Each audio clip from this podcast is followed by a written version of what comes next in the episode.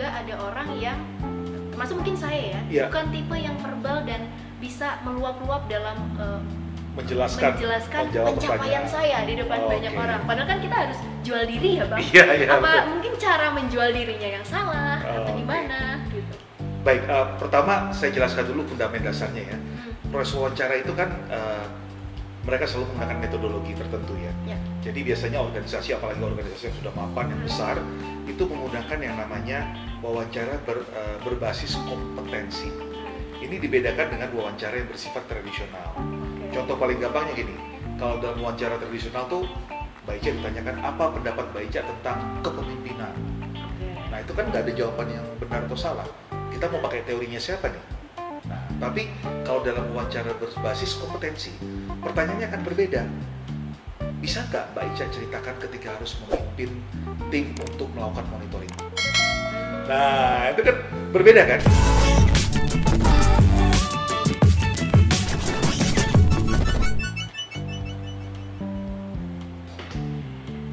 Halo, jumpa lagi dengan saya Anissa Briliani di Leadership Toolbox Podcast Bersama dengan Ronald Tuhatu, seorang psikolog organisasi dan konsultan sumber daya manusia Ya, Bang Ronald, halo, apa kabar? Baik Mbak Ica, semoga Mbak Ica juga sehat ya. Sehat, Bang Dan selalu pakai masker, kan? Selalu pakai masker Iya. Jaga jarak dan hindari kerumunan. Betul sekali, karena masih pandemi ya Walaupun Ya. vaksin udah berjalan ya Bang Ya, kita tetap harus uh, melindungi diri kita dan orang lain yang kita Betul. cintai. Ketemu lagi kita Bang Yes, senang sekali. Betul, kalau kemarin kita eh, bahas tentang job hunting, Ya, sekarang ini masih masih dekat-dekat lah ini bang, kakak Mhm. adik mungkin ya, Iya, masih iya, satu oke. keluarga dengan topik job hunting mhm. sebelumnya. Nah ini kalau di job hunting kemarin mungkin kalau kita bisa eh, ini ya eh, mengingat kembali gitu, kan ada beberapa tahapan bang, ada Iya. Seleksi eh, administrasi, Iya. terus ada seleksi wawancara. Nah poin yang kedua ini nih bang, Oke. wawancara ini banyak eh, jadi momok Oke. eh, Menakutkan ya. menakutkan misterius gitu bang Misteri. Karena karena mungkin banyak juga dari teman-teman gitu Mhm. dia atau merasa gagal ya bang Mhm. di tahapan wawancara begitupun dengan saya bang saya juga pernah Oh, based gagal di wawancara betul nih. betul betul gagal di wawancara bang gitu misterius nggak sih bang menurut eh, seorang Ronald nih Ya. wawancara tuh gimana sih Ya, eh, pertama Mbak Ica nih ya, saya mau eh, sedikit mengoreksi. Pertama, tidak ada yang namanya gagal. Hmm. Nah, ini paling penting nih ya, karena dalam proses wawancara ataupun dalam proses job hunting itu tidak ada yang istilah gagal, yang ada adalah tidak ada kecocokan. Dan kecocokan, ketidakcocokan ini bisa dari si pencari kerja, dia merasa tidak cocok dengan gajinya, dengan suasana organisasinya, atau dari organisasi tersebut. Nah, jadi uh, kita hindari menggunakan kata gagal karena itu akan mengganggu rasa rasa percaya diri kita. Nah, sehingga kita merasa nanti wah kalau kita gagal di di organisasi ini, kita nggak bisa lagi dong ikut yang organisasi lain. Padahal kan Ya. belum tentu. Oke, Nah. jadi buat yang pernah gagal, ini termasuk saya. Iya. Mungkin bukan gagal, tapi ini Belum emang jodohnya. belum jodohnya Iya. dengan organisasi tersebut. Betul. Atau mungkin ya memang eh, value atau nilai kita Bisa berbeda. sesuai gitu ya bang. Iya. Jadi banyak banyak hal yang membuat tidak cocok. Ya, ya, ya. Dan ini adalah hal yang proses normal dalam proses job hunting. Nah, karena kan seperti yang saya katakan, proses job hunting itu kan no, no, no, no, no, no, no, no, no, yes. Ya, ya, Nah, ya. Dan itu dari dua, dua belah pihak loh, Mbak Ica. Kita juga harus uh, selektif untuk melihat organisasi tersebut. Nah, tadi yang Mbak Ica katakan, apakah misterius proses wawancara? Sebenarnya enggak. Hmm, Nah, tidak ada misteriusnya karena hal yang ditanyakan dalam wawancara adalah hal yang dimiliki oleh si kandidat. Jadi sekali lagi saya saya garis bawahi hal yang ditanyakan oleh pewawancara kepada kandidat adalah hal-hal yang ia miliki.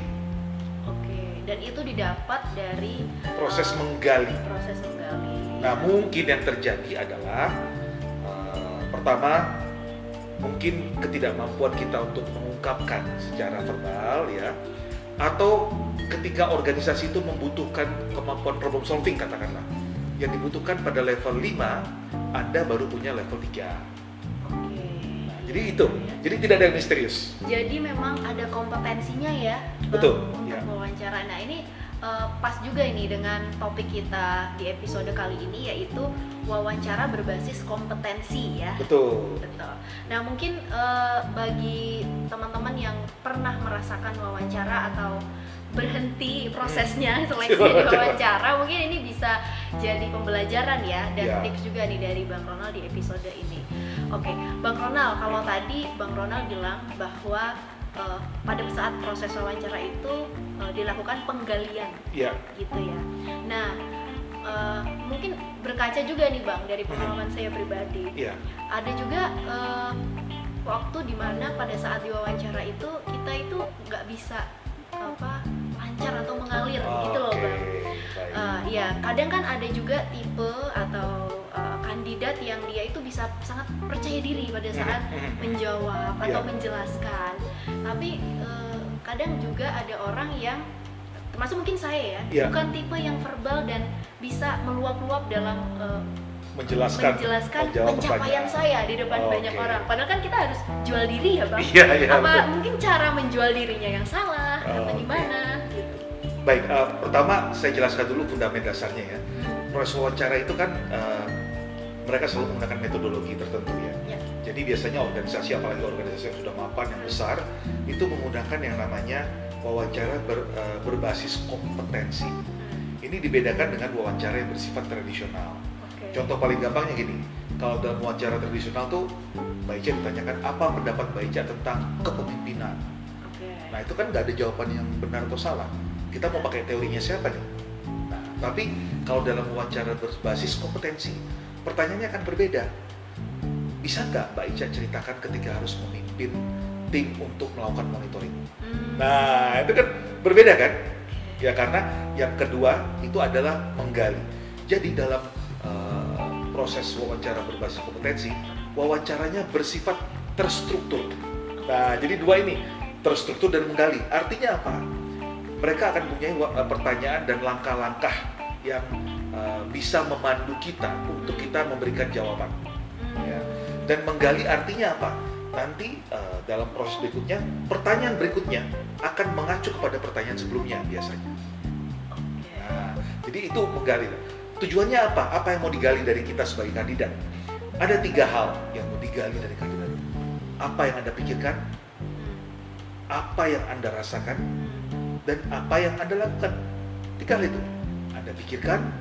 Anda rasakan, dan yang Anda lakukan. Kognitif, afektif, dan psikomotor. Nah, sehingga tadinya yang saya katakan bahwa wawancara itu kan semua yang Mbak Ica lakukan. Nah, yang Mbak Ica rasakan dalam melaksanakan tugasnya. Jadi, tidak ada misteri sebenarnya. Baik, dan itu adalah yang dilihat dari si pewawancara Iya, terhadap jadi- kandidat. Ya, mereka menggunakan metodologi itu. Nah, mereka menanyakan. Jadi, mereka akan menggali. Mereka tidak akan tanya pendapat Mbak Ica tentang kepemimpinan, Hmm. Tapi mau menggali Mbak Ica mempunyai enggak kepe- eh, fa- eh, kompetensi kepemimpinan itu. Caranya bagaimana? Dengan menggali peristiwa-peristiwa ter- ter- tertentu dalam kehidupan eh, dunia kerja Mbak Ica. Oke. Sehingga pertanyaan Mbak Ica tadi yang apakah saya yang kurang mampu? Memang ya, kan? gitu. Eh, ada ada ada ada faktor itu juga ya. Tapi Hmm. tapi ingat menjual diri jangan sampai kelebihan jualannya nanti. Jangan sampai berlebih-lebihan ya. jangan oh ini ya jangan jangan, Jangan sampai, over promise. Nah, jangan sampai bukan menjadi diri sendiri gitu Iya ya betul. Nah jadi pada waktu kita menjual diri kita, kan waktu di episode sebelumnya saya, saya pernah mengatakan, coba latihkan dulu wawancara. Kalau memang kita tahu kelemahan kita adalah dalam, eh, terutama orang introvert ya, ya pada waktu berbicara, nah kita bisa latihan sebelumnya dengan teman kita ya, dengan orang yang kita percaya untuk coba latihan ini. Supaya apa? Supaya kita lebih tenang nanti pada waktu wawancara.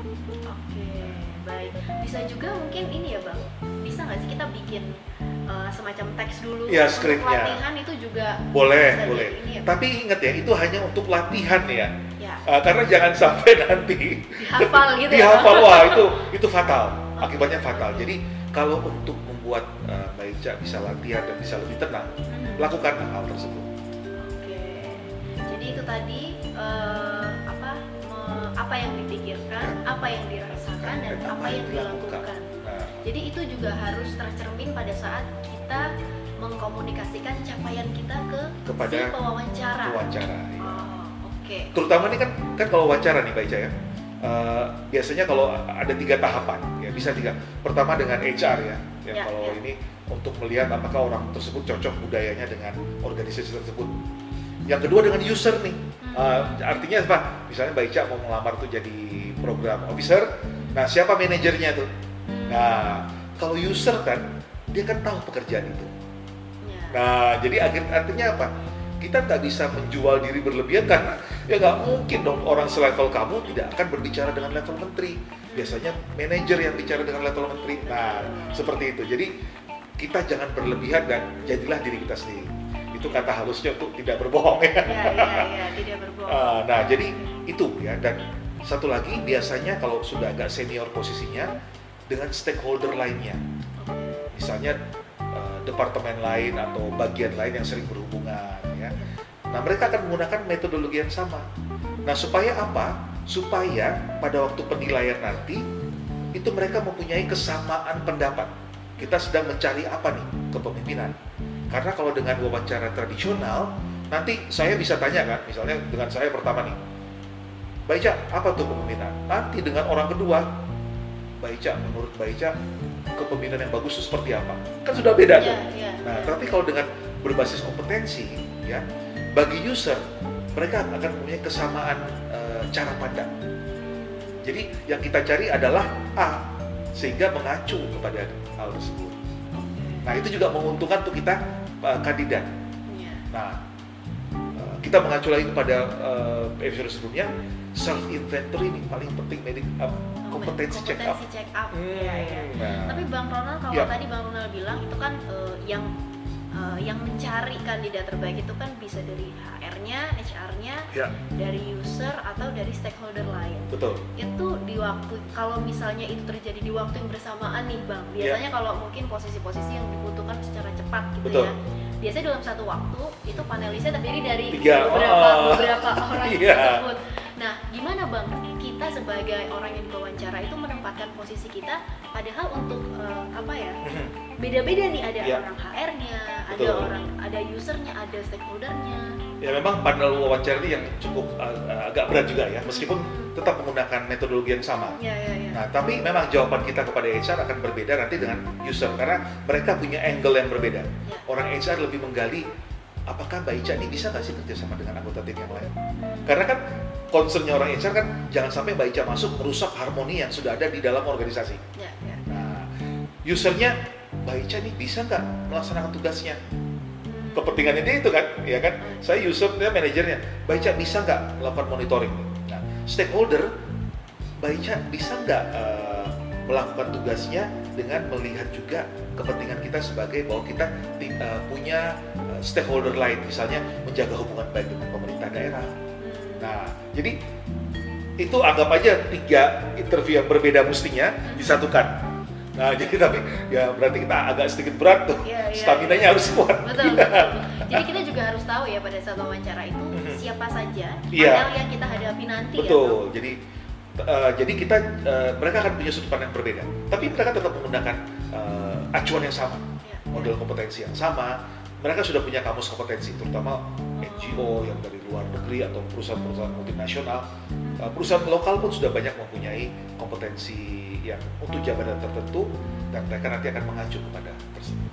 Oh, kamus kompetensi. Ya, itu eh, dimiliki oleh para organisasi. Oke. Iya. Dan sebaiknya itu sebetulnya harus dimiliki juga ya bang sama calon pelamar. Oh enggak, karena kita kan punya perusahaan ya. Ah, enggak, kita kita gini. Makanya kita medik eh, check up-nya eh, kita kita mem- mengumpulkan sebanyak mungkin bukti-bukti kinerja kita. Oke. Sehingga ketika ditanya kita nggak perlu khawatir. Ya ya. Nah. ya. Kan sebenarnya kalau kita eh, tadi ya kan tiga tadi ya, apa yang Anda pikirkan, apa yang Anda rasakan dan apa yang Anda lakukan. Hmm. Nah, jadinya misalnya dulu waktu pertama kali Mbak Ica punya pengalaman kerja di NGO. Mhm. Oh, harus ngapain tuh pertama? Hmm. Nah, coba dipikirkan lagi, oh waktu dulu saya pertama kali masuk, saya masih buta kerja di NGO. Saya belajar saya merasa ah saya ingin cepat beradaptasi dengan organisasi berarti ada rasa rasa ingin cepat beradaptasi apa yang saya pikirkan saya cari yang teman-teman yang lebih senior yang lebih tahu apa yang baca lakukan ngobrol sama mereka nanya-nanya Iya, nah itu iya. kan tiga hal tersebut Oke. nah Oh, ini tadi eh, contoh konkret eh, tiga Wawancara, hal itu iya. ya bang ya. Jadi pada saat kita disuruh memberikan contoh atau Hmm. pencapaian kita dulu gitu ya, iya bukti-bukti bahwa kita ini punya kompetensi di Tersebut. pekerjaan yang lalu, betul itu bisa disampaikan dengan contoh itu tadi ya Iya. bang ya. atau mau kita coba wawancara nih baca Boleh, boleh Ah. bang. Atau masih ada ini lagi nih tahapan yang mau dijelaskan tahapan tuh ya kita tadi simulasi? eh, tadi sudah wawancara ya ini kita kita eh, fokus pada wawancara ya Iya. Nah, sama-sama. jadi menggali dan terstruktur ya. Nah, eh, teman-teman bisa yang merasa agak kesulitan berkomunikasi secara verbal, Ya. perlu waktu, jangan khawatir ya. Kalau memang harus berbicara dengan agak pelan, nggak apa-apa. Biasanya ka- eh, user atau Hmm. pihak pencari kerja, kalau tahu anda memang punya kompetensi, mereka akan menyesuaikan. Nah, Hmm. jadi jangan khawatir bahwa anda akan kalah dengan orang yang pinter bacot atau pinter mau bicara. Iya. Nah, Karena kan uh, user kan juga tahu mana yang kualitas. Lah, dia kan punya anak buah, dia kan dia mengetahui pekerjaan tersebut Iya. dan dia telah mewawancara banyak kandidat. Iya. Jadi dia tahu oh ini kualitasnya bagus nih. Oh ini ngomongnya saja yang pinter, Nah. substansi kurang. Nah, Ah, jadi iya, iya, kita kita jangan kita jangan memikirkan hal tersebut. Itu tugas mereka. iya. Kita fokus kepada kita kompetensi yang kita kompetensi punya. miliki bagaimana saya mampu menunjukkan ini yang saya lakukan tahapan A B C D nah gitu. Kalau kalau kita fokus pada itu kita akan lebih bisa memberikan pemahaman uh, kepada si pewawancara. Wah menarik ya bang. Ini Ya. selain untuk eh, apa yang pada dengerin leadership toolbox podcast ini juga eh, untuk diri saya sendiri juga ya. ya Karena di apa eh, job hunting memang sangat sangat relevan lah menurut saya. Ya. Baik yang baru lulus Mhm. atau yang baru mau cari pekerjaan lagi ya atau dan atau ya mau ganti pekerjaan mungkin. baca ya uh, pengalaman pribadi nih ya saya Ya. dalam kehidupan profesional saya mungkin saya sudah hampir menginterview lebih dari 5.000 orang Wow. selama berapa banyak, puluh Bang. tahun ya Banyak bang. tapi kalau saya di interview pun saya juga tetap merasa khawatir ya, ya. jadi Iya, iya, tidak iya, iya. tidak otomatis ketika orang itu oh dia kan di HR Hmm. oh, dia sudah biasa menginterview loh posisinya beda ketika kita di Iya, interview iya, iya. nah Ya baru saya mau sampaikan Hmm. juga nih ke, ke Eh. Bang Ronald bahwa pasti eh, ini ya Bang lebih susah pada saat jadi peserta. ya Daripada- dari interviewing Iya, itu iya, betul. berat karena kita uh, tapi kalau kita kenal diri kita Hmm. nah jadi lebih banyak latihannya adalah untuk melancarkan verbalnya Oke. karena substansi sudah kita kuasai Ya, ya, ya. ya. dan uh, pada beberapa pekerjaan misalnya pekerjaan semi grafis gitu ya. Ya, nah, itu kan bisa kita bawa contoh pekerjaan. Betul. nah betul. ya. Atau uh, beberapa pekerjaan yang memerlukan contoh itu terbantulah dengan bawa contoh betul, pekerjaan. betul. nah jadi uh, bisa juga seperti itu ya. Jadi agak membantu tidak perlu terlalu banyak bicara oh ini contohnya nih yang kamu kerjakan ya. Oh ya bisa. Ada alat bantunya lah. Iya, iya, iya. Dan beberapa organisasi juga menggunakan atau meminta pelamarnya juga membawa job sampel ya nah job contoh sampel pekerjaan sebelumnya ya Bang. Oke, sebentar lagi kita akan simulasi sedikit eh, tentang topik hari ini yaitu wawancara berbasis kompetensi. Saksikan sebentar lagi. selamat pagi Mbak Ica Ya, selamat pagi Ya. Pak Ronald. Baik Mbak terima kasih ya untuk memenuhi undangan kita.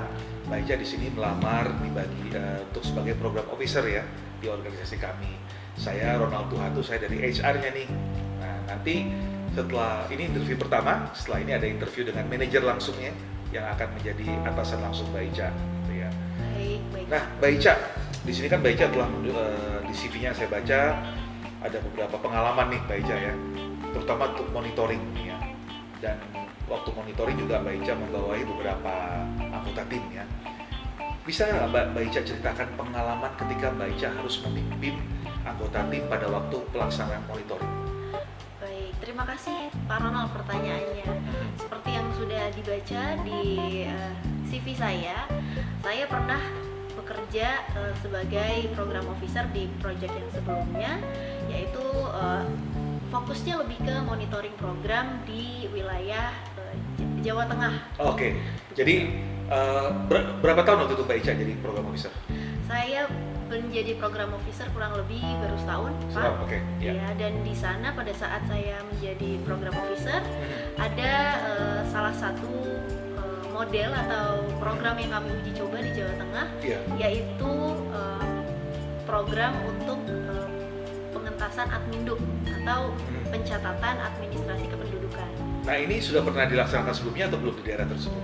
Sebetulnya ini eh, selalu dilaksanakan, Pak. Iya. Cuman memang eh, dari program kami yang sebelumnya itu kami mengajukan model yang lebih jemput bola. Oke. Jadi tidak hanya eh, fasilitas eh, pemerintah yang dibuka dan Hmm. menunggu eh, masyarakat untuk datang, tapi program kami itu eh, melatih Mhm. kader-kader di kampung supaya jemput bola di ke Hmm. daerahnya. Ya. Jadi terutama kan bagi masyarakat yang mungkin ada disabilitas Hmm. atau masyarakat yang rentan lainnya itu mungkin jarang ya Pak Iya. yang mau langsung ke eh, apa ya istilahnya unit-unit di pemerintahan kayak di kecamatan atau di kelurahan. Mhm. Nah maka dari itu program kami itu melatih eh, meningkatkan kapasitas kader-kader di kampung Ya. supaya mereka bisa melakukan jemput bola atau pendataan. Iya. Nah, nanti baru eh, mereka yang akan menyalurkan datanya ke unit pelayanan setempat. Nah ketika harus melakukan monitoring, langkah pertama apa yang Mbak lakukan? Nah, monet- tentunya dengan tim ya. Uh, berapa orang anggota timnya? eh, nggak banyak sih waktu itu eh, karena lokasinya hanya di satu kecamatan aja. Iya. Jadi kurang lebih ada dua orang. Hmm, Oke. Itu ada saya dan satu tim saya karena kan nanti da- kebetulan data entry ya yang Iya. kami lakukan. Jadi kami mendata dari jumlah eh, penduduk di situ Mhm. ada berapa yang sudah mempunyai dokumen kependudukan Mhm. uh, dan yang belum. Nah, lalu dari situ juga kita minta datanya ya ke kelurahan dan kecamatan, Pak. Iya. Nah, jadi di situ kami melihat dan mendata perkembangannya dari tiap bulan ke Iya. bulan itu peningkatannya berapa persen. Ah, gitu. Dan sebelum ada kader kampung yang dilatih dan Iya. sesudah ada yang uh, dilatih itu peningkatannya berapa persen. Nah, Saya tertarik Pak, kan Mbak Ica punya satu anggota tim ya. ya. Nah bagaimana cara Mbak Ica uh, mengelola satu anggota tim tersebut, membagi pekerjaan bagaimana dan memonitor hasil pekerjaan uh, anggota tim tersebut? Proses apa yang Mbak Ica jalankan? Oh, yang pertama-tama koordinasi ya Pak ya. Jadi Iya. kita menyamakan persepsi dulu ini. Mhm. Jadi eh, apa aja yang akan kita cari datanya Iya, dan itu kita kembangkan bersama. iya. Lalu setelah itu eh, kita bagi bagi wilayah ya Pak ya. Oke. Ya jadi untuk desa A sampai eh, A B C D E ini saya yang pegang. Mhm. Lalu untuk sisanya Mhm. itu eh, tim saya Anggota tim ya. anggota Oh, tim yang yang yang pegang dan nanti setelah itu kami konsolidasi data bersama. Secara reguler mengadakan ini nggak apa diskusi dengan anggota tim? Eh, karena kita mengambil datanya setiap bulan, Iya. jadi pasti ada konsolidasi internal lah setiap Oke. bulan pak. Gitu. Nah, ke, ke- bagaimana cara Mbak Ica menghadapi kalau anggota timnya menghadapi permasalahan? Apa yang Mbak Ica lakukan? Em, yang paling mudah dilakukan, yang jelas kita komunikasi dulu ya pak ya. Iya. Kira-kira alasannya apa? Kalau memang alasannya eh, sakit ya kita nggak bisa Iya. kita nggak bisa ini ya pak ya kita nggak bisa paksa juga tapi kalau mungkin eh, ada kendala-kendala seperti dari pihak yang kita mintakan datanya nah Hmm. itu biasanya kita selesaikan bersama-sama kalau tadinya hanya anggota tim yang Mhm. eh, mendatangi eh, desa tersebut nah Iya. kalau memang ada kesulitan nih Iya. untuk mungkin berbicara dengan kepala desanya Mhm. atau sekretaris desanya Iya. nah itu mungkin bisa kita eh, bareng-bareng bersama Oh, jadi nggak cuma dia sendiri yang datang Iya. oke nanti kita cari kita cari waktu mungkin saya bisa juga menemani tapi kalau nggak bisa diselesaikan juga Hmm. nah biasanya karena kita punya tim juga di provinsi Iya. jadi nanti kita akan hubungi yang Tim- tim di tim provinsi. di provinsi untuk Oh. apa ya ya melakukan pendekatan gitu pak Baik, terima kasih Ica. Nah, jadi kita ini selesaikan dulu, simulasi ya. Nah, sekarang saya mau tanya Mbak Ica. Apa eh, kalau dari pertanyaan yang saya ajukan, Iya, Bang. Mbak Ica melihat saya banyak fokus ke arah mana? Em, ini ya bang kalau dilihat tadi pertanyaan bang Ronald itu seolah-olah bang Ronald paham betul nih apa yang saya lakukan Oke, ya. dan bang Ronald pengen tahu nih cara saya melakukan itu dan kalau saya punya kesulitan Mhm. apa saya ini punya kemampuan problem solving nggak sih Oke, baik. itu yang saya tangkap ya bang Ya, ya, baik. betul nggak Ya, ya betul. Jadi eh, saya kan sebagai saya padahal saya orang HR kan, ya ya Nah, bukan usernya ya. betul betul Tapi kan saya kan sudah mewawancara banyak orang seperti Iya, kandidat. Jadi iya. saya kurang lebih tahu oh pekerjaan ini apa dan saya tahu, tahu job desk-nya juga. ya ya Nah, jadi saya cukup memahami sehingga saya bisa membandingkan nanti Mhm. oh dengan kandidat lain bagaimana cara anda mengambil ke- eh, memecahkan permasalahan yang dihadapi.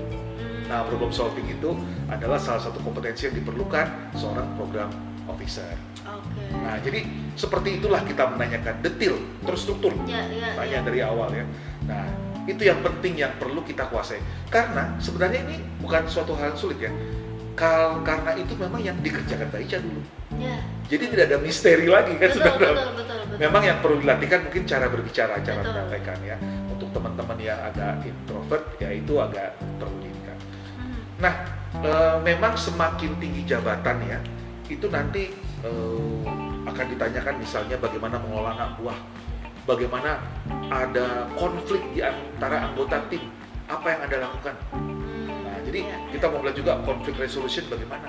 Nah, jadi banyak kompetensi yang dilihat. Jadi eh, kalau kita punya tadi kompetensi check up ya, kita tahu bahwa saya mempunyai kompetensi di bidang problem solving, penyelesaian masalah, eh, berkomunikasi pada level tingkat atas. Nah, itu akan lebih mudah nanti kita kita sudah punya repertoar atau perbendaraan peristiwa-peristiwa di mana kita menunjukkan kompetensi kita.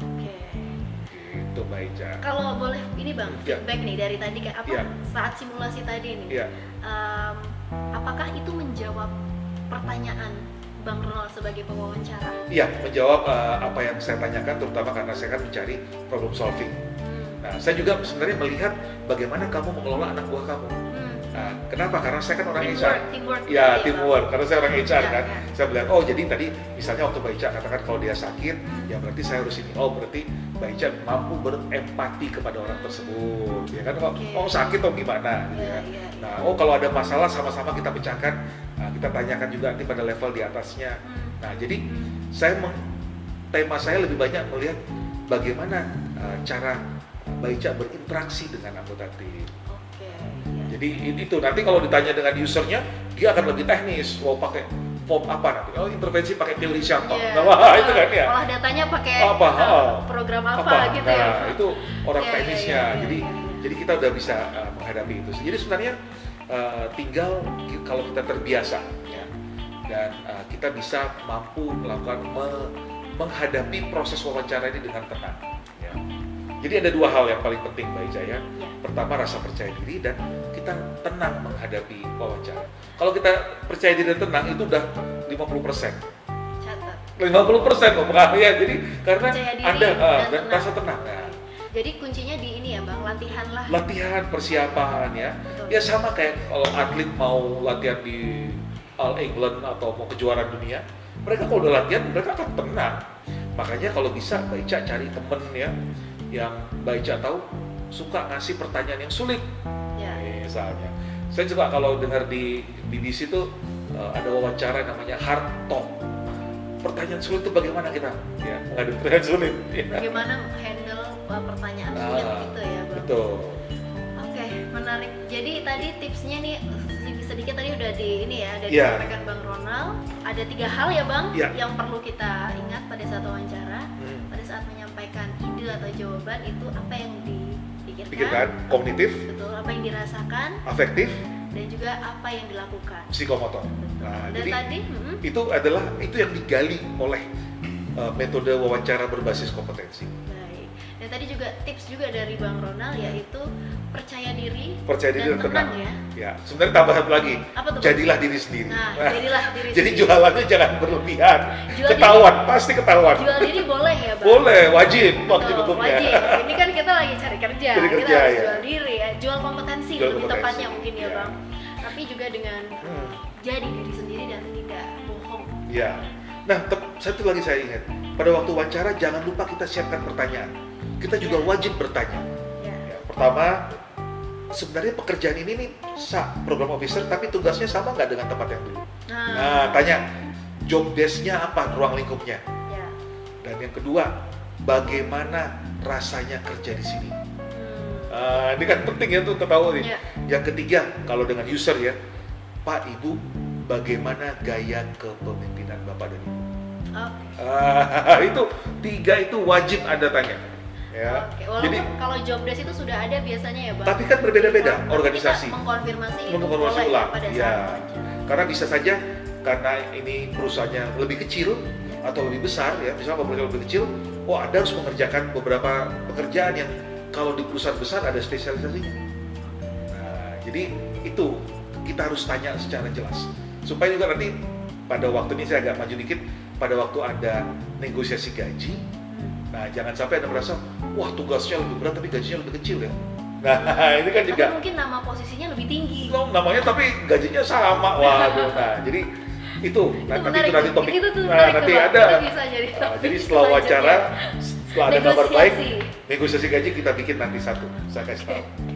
Semoga wawancara ini bukan lagi misteri Nah, ya, dan teman-teman dapat eh, melewati wawancara dan teman-teman juga dapat memutuskan bukan hanya perusahaan saya mau terus atau tidak dengan organisasi. baik.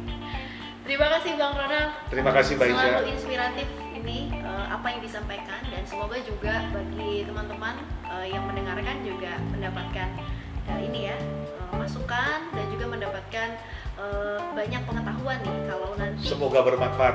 semoga lolos sampai tahap berikutnya nggak cuma di berikutnya. wawancara tapi lolos di tahap-tahap berikutnya Iya, dalam mencari kerja. Baik kalau begitu sampai jumpa di episode berikutnya bersama dengan saya Anissa Briliani Saya Ronald Tuhatu, dalam Leadership Toolbox Podcast.